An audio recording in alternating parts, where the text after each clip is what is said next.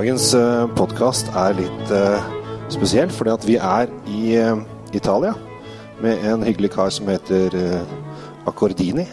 Vi er på en privat vinsmaking hjemme hos han, helt på vingården hans. Og her får vi da smake årets juleviner for oss nordmenn. Det er jo da vi er jo veldig glad i å drikke ripasso, og han er en av de som lager de beste repassoene i, i landet. Så dette her eh, blir kjempebra. Vi prøver nå eh, 2014 mot 2015. Kunne du si hei, Sansino? Ciao. um, og det er eh, kjempespennende. Vi har 2014 eh, har akkurat sendt ut den siste esken til eh, norgesjern, og i september så kommer da 2015 inn inn for salg. Og de er ganske forskjellige i smak, begge to. Eh, 2014 er eh, helt klart en eh, litt sånn rundere i smaken. Mens 2015, eh, som blir årets julevin for oss nordmenn, den er Nå skal jeg bare smake, smake 2014 først.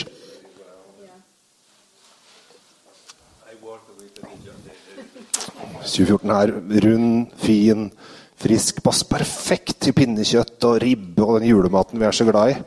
Og så 2015 er litt sånn kaldere på, på lukten. Eh, litt sånn kjøligere. Så skal vi se, vi er midt i en vismaking her, så det driver og prates rundt her i øst og vest. Han driver og forklarer da om de forskjellige vinene sine. Også veldig gode amoroner, så han driver og åpner noen Amorone-flasker her nå. Det er kjempespennende. Her skal det som det heter. 2014, nei, 2015 er helt klart en, um, en litt kaldere og kjøligere utgave. Men jeg tror den vil passe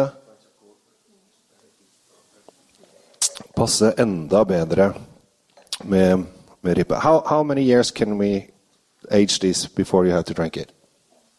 For the 14 now is ready, is perfect, and another next year 14 uh, is a possible drink uh, four five uh, here after the, the, the, the after the bottlement. Yeah.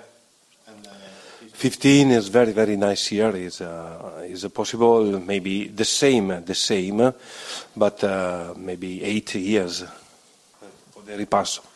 Kan lagres altså opptil åtte år hvis du har lyst til det. Og det som er så spennende, og som jeg prøver å få alle til å gjøre, er å prøve å skaffe dere to forskjellige årganger av samme vin. Fordi at eh, vin er et naturprodukt, og det er forandringer på sol og høst og vind og vær hele tiden. Så det er forskjell på årgang til årgang, og det er kjempespennende når man smaker de opp mot hverandre. Så prøv å, i hvert fall når de begynner å skifte årgang, finne ut på polet ja, nå kommer det snart en ny årgang. Kjøp inn året før, og så sitter du og venter litt, og så kjøper du inn den nye. Og det kan være hva som helst ta den vinden du liker best, og så bare klinker du til.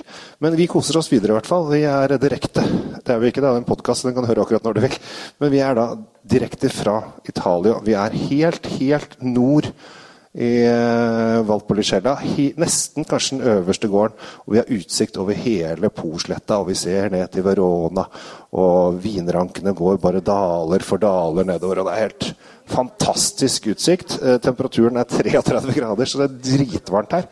Men det er helt perfekt å reise fra vingård til vingård. Og det er, er det noen som har lyst til å reise på vingårder, så ta ofte kontakt med vin... Eller hvis det er noen viner du liker, ta kontakt med vinleverandøren. altså Se hvem som har import, import på det. Ta kontakt, ring de, og så sier de hei, jeg skal til Italia Spania eller Frankrike, Portugal eller whatever.